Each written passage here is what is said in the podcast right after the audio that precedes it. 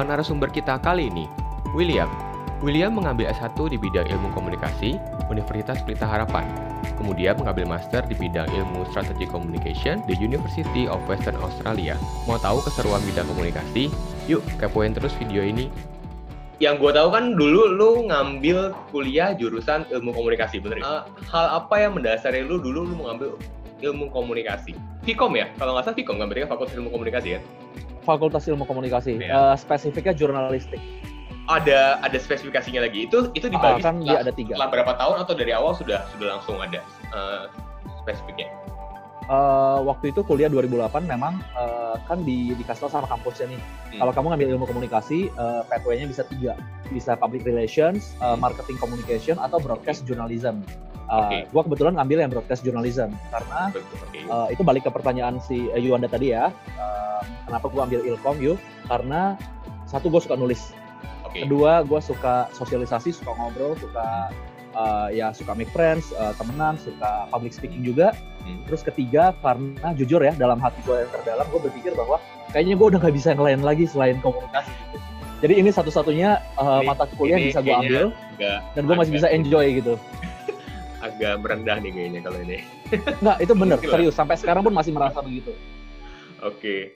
Itu ah, dan akhirnya eh, ketika lu dihadapkan dengan tiga tadi spesifikasi, lu ngambil kan eh, jurnalism tadi ya.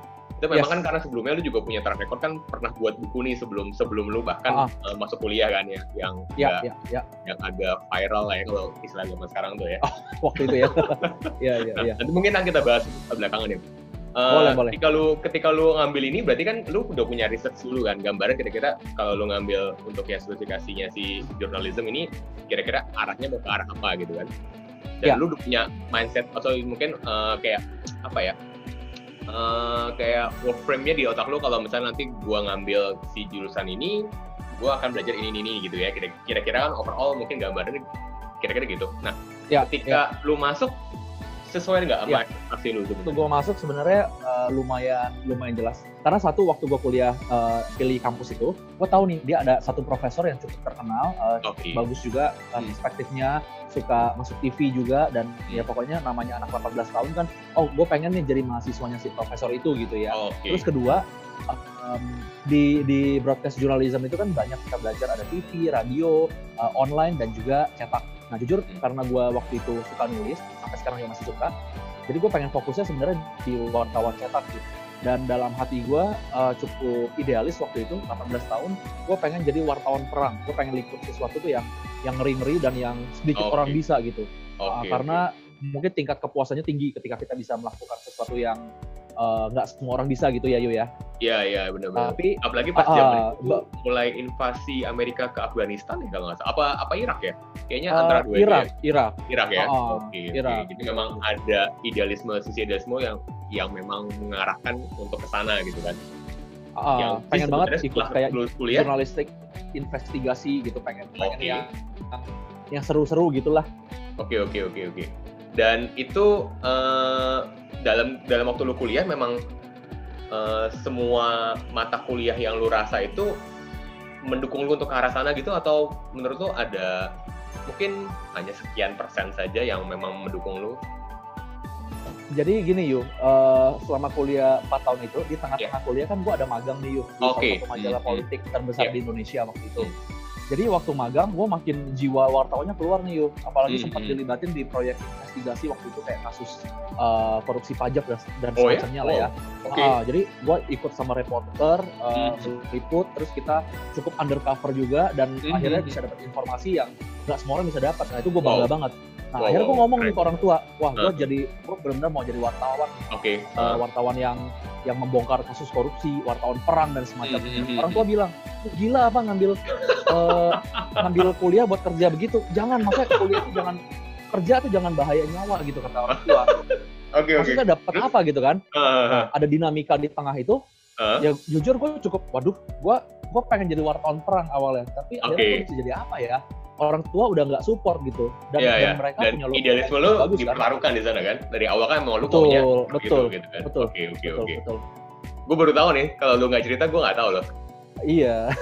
dan dan itu Iya. sampai ya yang kita tahu kan waktu itu kayak Mutia Hafid kan wartawan perang sampai di Ya, di Sandra sampai gitu di kan. Sandra gitu kan. Wow. Iya, Ya iya. sih memang memang ya itu risky ya kalau memang memang ala arahnya ke wartawan perang atau dan akhirnya eh, gimana lo menyikapinya tadi dilema itu dan dinamika itu? Jadi ju- jujur waktu itu kan itu sekitar semester 3 apa 4 gitu ya, Yu ya. Oke. Eh, Udah ada magang ya? Berarti semester 4 itu udah magang ya berarti ya? Itu gua kebetulan lagi libur kuliah, gua magang sendiri ya. Oke. Oke, Ah, oke, oke, karena oke. saking pengennya coba jadi wartawan. Jadi Iya. ada dosen yang kerja di majalah itu, minta Hmm. tolong boleh nggak uh, gue magang di situ ya dikasih izin. Hmm. Jadi magang. Terus uh, jujur gue denger kata orang tua karena nggak mau mereka khawatir kan. Iya. gue mungkin nggak bisa nih ke depannya jadi wartawan perang Oke. gitu kan. Tapi kalau jadi wartawan yang di bidang lain kok kayaknya gue juga nggak gitu passionate gitu kan. Hmm. Akhirnya gue berpikir nih, oke gue udah mulai nih, udah udah hampir setengah jalan kuliah. ah, um, mau jadi wartawan perang itu udah di, dihilangkan dari daftar karir impian. Terus lah ya. yang gue bisa lakukan adalah, "Heeh, ya udah, gue ngambil sisi positifnya. Sebenarnya apa sih dari kuliah ilmu komunikasi ini transferable skills-nya tuh apa? Jadi apa yang eh, kemampuan yang gue dapat yang bisa diterapin di di bidang kehidupan apa pun nantinya, di bidang eh, pekerjaan atau karir apa pun yang gue bisa ambil. Nah, akhirnya nyampe lah satu kesimpulan bahwa oh ternyata gue mau kuliah ilmu komunikasi atau teman-teman yang lain kuliah di bidang lain juga ya. Hmm. Ya hal-hal kayak eh, tanggung jawab, terus punya integrity, uh, people skill, komunikasi itu kan sebenarnya semua orang bisa punya kan tanpa harus Hmm. kita kuliah eh, mata apa mata kuliah tertentu gitu ya. Oke. Ah, ah. jadi ya gue lebih ke oke lah, gue akan selesain perjalanan ini dengan semaksimal mungkin. Hmm. Tapi gue ambil pelajarannya yang walaupun gue nggak jadi wartawan sekarang, ini apa ya yang bisa gue terapin ke ke hidup Oke. selanjutnya gitu. Berarti setelah ya dinamika dilema itu lu masih belum uh, pick salah satu yang kira-kira lu mau ambil setelah ini apa sih option B-nya gitu belum belum ada gambaran berarti ya? Sambil sebenarnya apa pun ini. yang yang terkait komunikasi, yang terkait tulis menulis itu gue oke sih. Oh, Jadi nggak nggak kayak milih harus di tempat A atau B enggak. dan terbukti setelah eh, selama lu masih kuliah di Indonesia lu ada ada kurang satu buku lagi kan ya? Ada setelah, setelah yang waktu pas sebelum kuliah, kemudian pada saat Ya. lu ya kuliah selesai S1, waktu itu Ah. sempat kontek-kontekan, kemudian nanti kan ada buku Ya, yang ketiga ya. nih yang baru keluar ini kan ya. Nanti mungkin Betul, betul. kita lu share sedikit lah ya. Semua Boleh, boleh. motivasinya segala macam. Sip. Eh, yang gue mau nanya, eh, setelah lu lulus kuliah, Ya. nah, lu langsung terjun di bidang yang samakah dengan apa yang lu ambil atau eh, seperti apa? Jadi waktu gue selesai skripsi itu kan bulan Juli 2012. Yap. Gue wisuda Desember 2012. Itu ada Hmm. gap tuh sekitar 5 sampai 6 bulan ya, Yu ya. betul. Hmm. 5 sampai 6 bulan itu gue memang belum cari kerja yang full time karena Oke. waktu itu kan uh, masih harus ke kampus terus ntar Hmm. ngurusin wisuda dan segala macam lah. Yap. Jadi gue ngambil kerja part time uh, Oke. jadi content writer, kita bikin company profile, bikin uh, bikin annual report, pokoknya nulis bantu satu agency nulis-nulis Oke. uh, itu sampai uh, gue wisuda. Hmm. Terus begitu selesai wisuda kan udah resmi nih udah nggak ke kampus lagi kan. Mhm. Jadi mulai Januari 2013 uh, waktu itu ada kesempatan untuk langsung masuk ke company. Walaupun Company ya? company-nya bukan media ya. Waktu itu Hmm. di di plantation industry di perkebunan.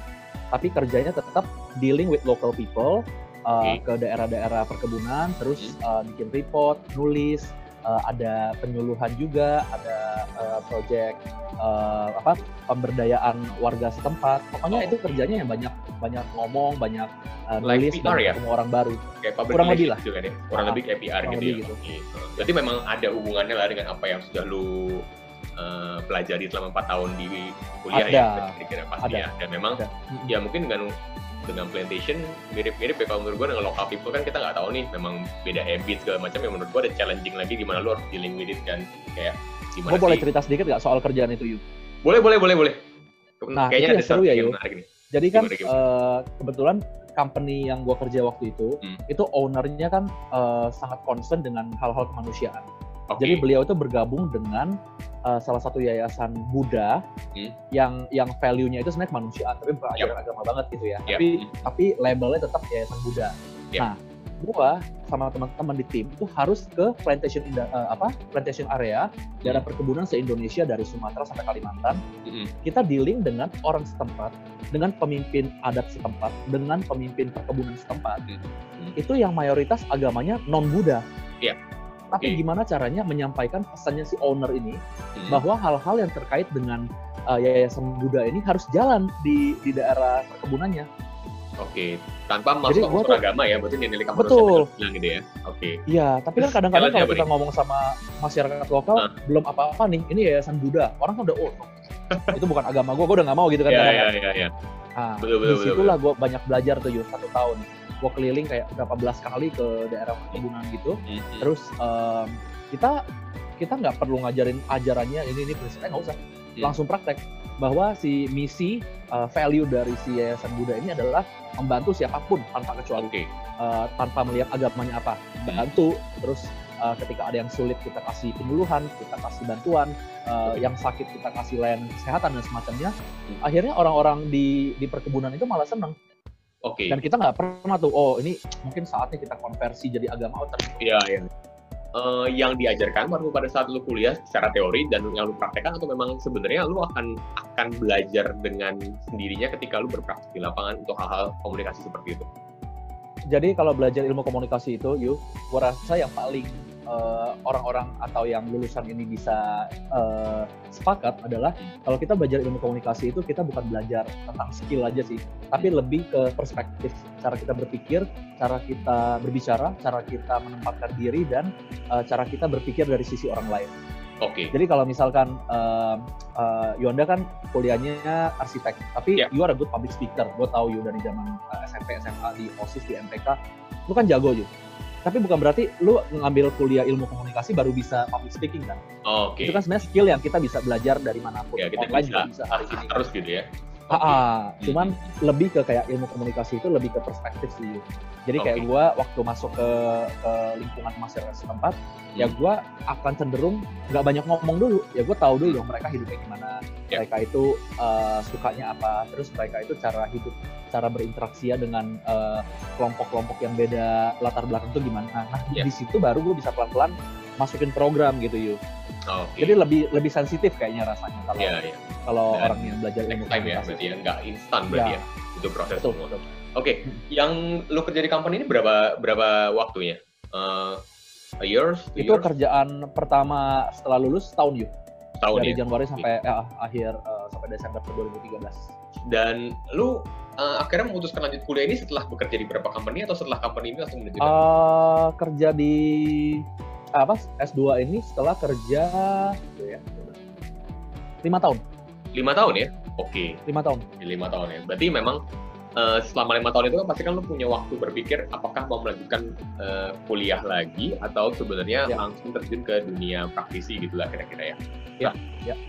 eh, apa yang mendasari lu tiba-tiba eh, bukan tiba-tiba ya maksudnya apa yang mendasari lu akhirnya mem- memilih keputusan untuk kita ngomong S2 dulu ya memilih keputusan untuk Ya. S2 eh, dan gue juga eh, mau di share kenapa eh, apa ya bidang apa yang lu ambil dan Ya. kemudian yang mau gue tanyakan kenapa milihnya nggak di Indonesia gitu kan Ya. nah, gimana tuh kira-kira oke Eh, jadi pertama-tama soal alasan mau S2 yuk karena Ya. gue merasa bahwa memang kalau orang kerja terus ketemu banyak orang baru dan dia terlibat dalam banyak project dia pasti juga akan belajar dengan sendirinya mungkin kadang-kadang pelajarannya lebih berharga dari dibanding S2 gitu ya di ruang kelas tapi kan somehow em, eh, apa namanya studi S2 ini kan juga bukan sesuatu yang jelek kan Ya. Nah, jadi kalau memang ada kesempatan dan memang sudah ada pengalaman yang cukup ilmunya kita sudah cukup uh, praktikal dan kita masuk lagi ke bangku kuliah itu sebenarnya satu hal yang bagus dan menunjang juga karena suka nggak suka kadang-kadang nih kalau dalam perjalanan karir atau dalam interaksi kita sama masyarakat itu ya pendidikan formal masih menjadi salah satu mata uang yang cukup uh, Oh. bagus gitu ya oke jadi uh, kita memang selain uh, punya ilmu secara praktis, kalau memang bisa punya uh, sertifikasi, punya ijazah yang bagus dari institusi pendidikan formal, itu sesuatu yang menurut gua sih oke lah, kita boleh ambil. Tapi itu pun bukan segalanya gitu ya. Jadi oke. jangan berkecil hati kalau yang belum Betul, ada betul, kesempatan.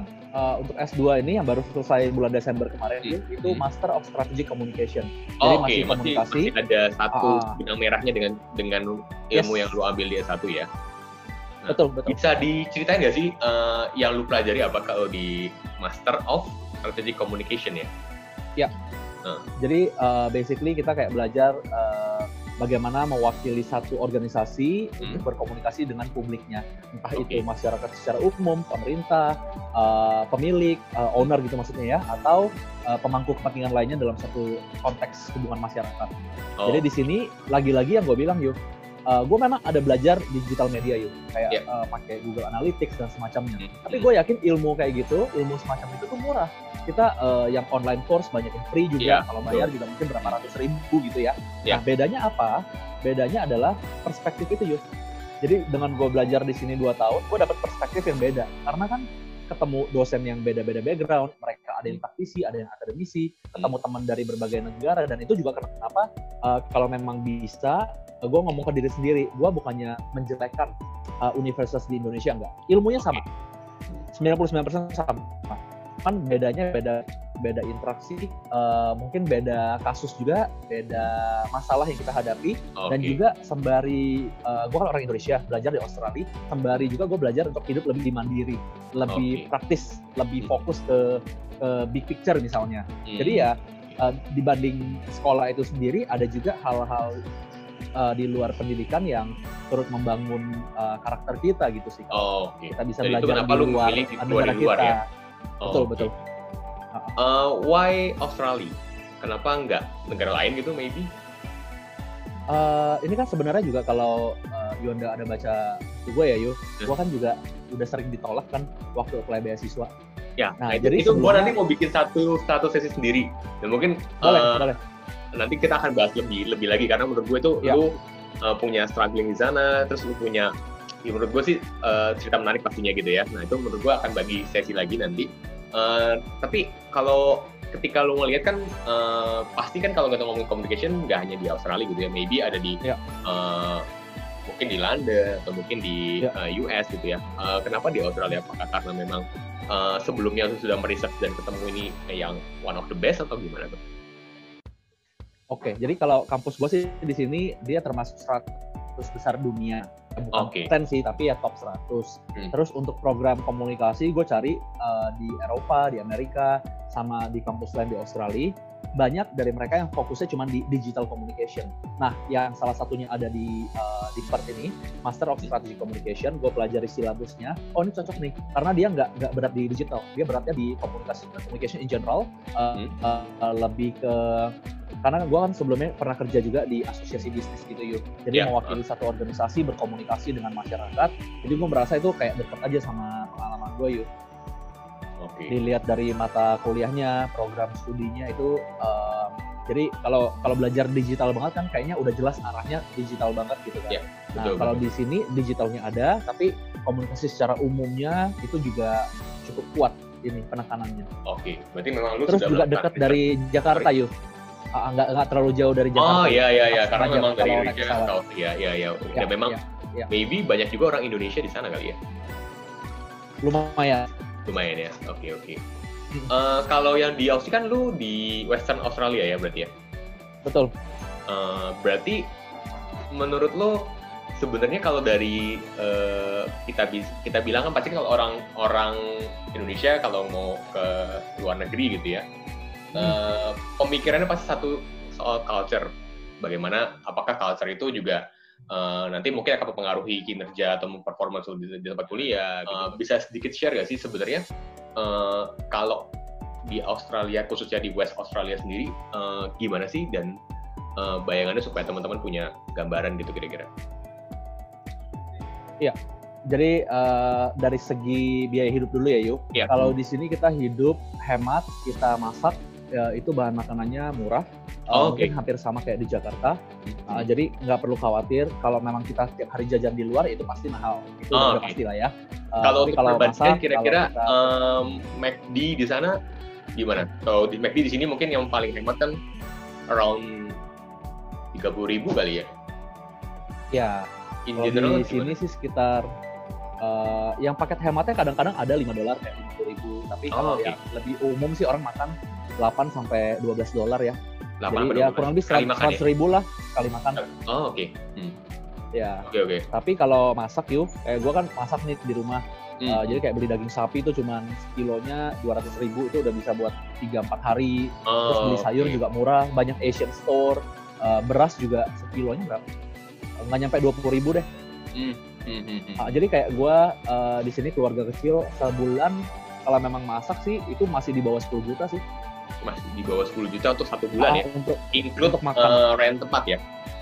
oh, kalau rent sih uh, kurang lebih tempat gue 10 juta sebulan kalau Oh, oke. makannya 6-7 juta itu udah enak banget lah tiap hari ada Udah ayam ada daging uh, uh, terus kita juga pokoknya sehat deh yuk Tapi itu kan untuk untuk keluarga lu berarti tiga orang dong ya kira-kira ya. Anggaran itu tiga orang ya berarti kira-kira. Uh, uh. Kalau untuk eh, transportasi sendiri gimana? Kalau Australia in general beda sama Perth in particular karena Perth Oh, ini oke. cukup uh, friendly untuk student. Jadi Hmm. kita punya student fares itu Hmm. murah banget sekali jalan dari rumah ke kampus tuh paling cuman uh, student fare nggak nyampe sepuluh ribu, bolak-balik paling 18 ribu rupiah gitulah. Oke. Itu udah bisa Oke, buat oke. sehari kan. Oke. Terus banyak juga di di dalam kotanya itu ada bus gratis.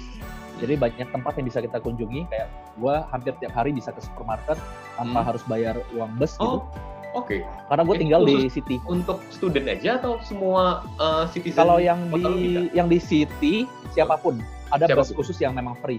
Ah, ah. Oke. Tapi Oke, kalau ke kampus karena dia udah di luar city itu Ah, cuma Oke. student yang bisa dapat harga khusus sama lansia. Oke. Ya ya ya ya ya. ya. Oke oke oke oke. Jadi memang fasilitasnya udah udah jauh udah jauh lebih unggul lah ya kalau boleh dibilang karena memang ada eh, ya mungkin transportasi yang memang subsidi pemerintah segala macam gitu ya. Iya, iya. Oke. Nah terus eh, tadi gimana tentang culture-nya? Terus gimana? Lu per- ya gue sih percaya lu nggak nggak mengalami kesulitan lah ya karena lu kan eh, lebih eh, bisa eh, easy going, bisa lebih temenan. Nah, eh, tapi gambarannya gimana sih kira-kira di sana? Jadi sebenarnya mungkin kayak di mana pun kita hidup ya yuk, kita kan pasti memilih yuk, uh, Ya. kita mau temenan sama siapa, Ya. kita mau komunitas apa dan melakukan apa gitu ya. Ya. Ya kalau di sini sih menurut gua uh, alasan untuk homesick hampir nggak ada yuk, karena restoran Oke. Indonesia ada enak, Asian Hmm. store banyak, cocok sama lidah kita, Hmm. komunitas Indonesia juga cukup besar di sini. Jadi jangan Oh, khawatir lah kalau misalnya Hmm. takut homesick gitu ya. Hmm. Tapi tantangan kedua yuk, kalau kita terlalu nyaman dengan orang Indonesia aja, Hmm. mungkin kadang kita lupa bahwa kita itu lagi punya kesempatan yang cukup oke loh. Kita bukan di Indonesia, kita sebenarnya bisa. uh, nah, satu hal yang di sini cukup uh, menjadi highlight adalah apa-apa di sini volunteer, apa-apa uh, Hmm. relawan gitu. Jadi Oke. kalau mungkin orang Indonesia in general kan, sorry ya, mungkin kayak uh, kita ngerjain sesuatu uh, atau dimintain tolong atau apa, kadang-kadang adalah uang rokoknya, ada uang bensinnya, ada uang ada transportnya ya. gitu ya. Oke. Ah, ah, kalau di sini tuh nggak common, di sini tuh Hmm. apa pun eh, hampir semua bidang pekerjaan, Hmm. bidang kehidupan itu ya orang tuh volunteer. Nah Oke. di situ juga gue belajar kayak eh, lebih gimana ya melayani eh, komunitas yang lebih besar. Eh, dan gue memang nggak dapat uang dari situ, tapi dapat belajar ya, dapat pengalaman, dapat interaksi, dapat juga teman-teman baru. Teman-teman Eh, baru. Jadi teman ya? gue di Ya. sini juga nggak eh, orang Indonesia aja, sama orang Indonesia dekat, baik itu wajib lah ya sama Hmm. siapa pun. Terus di luar itu sama komunitas lokal, sama komunitas internasional itu juga itu priceless banget sih. Oke. Berarti memang di volunteer itu kan eh, nggak memandang lo dari luar atau cuma boleh citizen aja. Ya, Nah, banyak kan kalau volunteer itu acara apa ya? Kalau di sana gitu? kalau banyak yuk hampir semua ada kayak Hampir misalkan eh, tergantung apa yang kita support sih, misalnya tentang eh, pelestarian lingkungan, tentang Hmm. perlindungan hewan, eh, apa kepedulian terhadap lansia dan sebagainya gitu. Kalau yang gua sih eh, supaya inline gitu, gua di bidang pendidikan juga. Oke, ya, I see. Hmm. Dan itu tidak tidak memandang lo di luar eh, orang orang Asian gitu ya, nggak nggak ini ya. Eh, maksudnya orang-orang di sana, citizennya atau mungkin teman-teman kuliah lo eh, di kampus itu nggak nggak sama sekali memandang soal soal rasialisme gitu kan? Ya semua Eh, sama. kalau mungkin itu kayak salah anggapan ya yuk orang mikir mungkin oh kita orang Asia kita di Australia mungkin kita Hmm. akan jadi korban rasisme gitu Mhm. kalau menurut gue sih sebenarnya lebih ke uh, individunya sih kayak Hmm. orang Australia lokal juga banyak kok dia yang nggak bisa fit in dengan masyarakat dia Uh, ya karena murni karakter dia itu nggak cukup nggak cukup suportif misalnya gitu ya dan gue sebagai orang Asia di sini gue nggak peduli dengan anggapan itu maksudnya gue uh, di sini itu nggak mau menyakiti orang lain nggak mau merugikan orang uh, mau kontribusi sebisa gue terus memberikan manfaat sharing value and my knowledge juga Oke. Terus ya kalau you mau nganggap orang Asia itu gimana ya terserah. Cuman kalau Hmm. waktu sama gua ya lain lah yuk kalau people to people approach itu pasti lain lah. Jadi jangan jangan uh, pusing soal anggapan atau misalnya kita baca di internet ada yang ngomong soal apa Iya. ya itu ini doang sih cuman buat Oke. menyesatkan kita aja kadang-kadang Oke. Terus challenge-nya gimana sih di sana? Ketika lo menjalani uh, two years ya kayak kira- kira-kira ya, more or less dua Ya. tahun ya. Challenge-nya ada mungkin suka dukanya gimana sih? Kalau mungkin Um, kuliah master di negara orang gitu kan kira-kira. Kalau dari segi kuliahnya menurut gue sih kalau kita bukan last minute person ya Hmm. itu kalau di bidang gue semua akan baik-baik aja sih karena ya tugasnya banyak kan juga nulis paper kita Hmm. research dan uh, banyak kita memilih studi kasus dari organisasi apa pun. Nah, Hmm. dalam kasus gue tuh gue lebih milih kayak uh, ada organisasi, ada perusahaan setempat. Jadi gue bisa belajar juga tentang local culture. Terus gue Hmm. bisa kontak orangnya, misalnya manajernya, uh, kan nambah kenalan lagi tuh. Ya betul. Dan betul. juga kita jadi punya perspektif berpikir dari cara orang Australia berpikir dan dia approach uh, problemnya misalnya gitu. Nah, betul, itulah betul. yang sebenarnya gue bilang, ah, ah, itu bisa-bisanya kita yuk. Hmm. Karena kita kalau mau main-main aman gitu ya, yuk kita ambil aja kasusnya misalnya eh, perusahaan di Jakarta yang yang tempat kerja kita yang lama gitu. Hmm, Jadi kan udah aman tuh. betul betul. Ah, Datanya juga lu udah punya gitu kan. kita- betul. Cuman kita jadi nggak interaksi sama lingkungan baru yuk. Hmm, Nah justru oke. kesempatan di Australia itu menurut gua ya kita harus pinter-pinter karena kan em, ini kayak bom waktu nih. Kita tahu nih suatu hari waktu kita akan habis di sini kan. Kita Ya, nggak selamanya betul, tinggal di betul. negara orang. Betul betul. Jadi ya betul. selama masih ada waktu ya maksimalin Karena aja. lu punya gambaran nggak sih setelah lu kuliah selesai S2 ini, Hmm. uh, what next planning lu gimana? Jadi eh, selama di sini gue cukup berubah ya yuk. Kalau dulu Hmm. kan mungkin eh, anggapan gue tentang kerja itu ya pokoknya gue kerja di tempat yang bagus, gue bisa Hmm. eh, sharing eh, value gue, terus gue bisa dapat manfaat yang bagus dan timbal balik eh, secara finansial juga oke gitu ya. Mhm. Sekarang itu tetap menjadi prioritas, tapi ada plusnya. Plusnya adalah sebenarnya di mana pun gue berada ya gue harus bisa bantuin orang, gue harus Hmm. bisa Hmm. uh, harus kasih sesuatu yang positif. Ya Hmm. orang yang lemes, misalnya setelah ketemu gue harus jadi semangat. Terus uh, orang yang yang yang lagi kehilangan arah misalkan dengan dia uh, dekat sama gue, ya dia jadi mungkin lebih lebih optimis gitu. Oh, oke. Nah jadi jalan yang akan gue ambil adalah gue tetap akan akan berkarya di bidang uh, komunikasi. Hmm. Uh, kemungkinan besar sih nanti di bidangnya NGO gitu yuk. Jadi di organisasi uh, non profit. Oke. Tapi di luar itu yang akan gue lakukan adalah ya gue akan bantu orang lain. Ya entah Oke. dengan nanti gue punya satu uh, unit usaha misalnya di Hmm. bidang uh, seminar pengembangan diri Hmm, atau hmm, hmm, hmm. jadi pembicara di sekolah-sekolah uh, Hmm, hmm, atau mungkin kita perbanyak podcast ini sama sama Oke, komunitas yang lebih luas gitu. Ya Ya, gue ya. gua happy banget yuk. Dan Mhm. itu ya bukan lagi-lagi bukan soal duit aja sih. Iya, iya, iya. Jadi lebih ke uh, kayak ada motif pribadi untuk ya gimana sih gue supaya bisa bermanfaat gitu untuk Hmm, orang hmm, lain. hmm. Nanti kebun- eh, sesi berikutnya gue mau eh, bahas tentang bagaimana lu mendapatkan beasiswa dan dan soal buku lu gitu ya. Kita Siap. akhiri dulu sesi satu ini. Thank you ya. Yam. Thank you, Oke. Yo.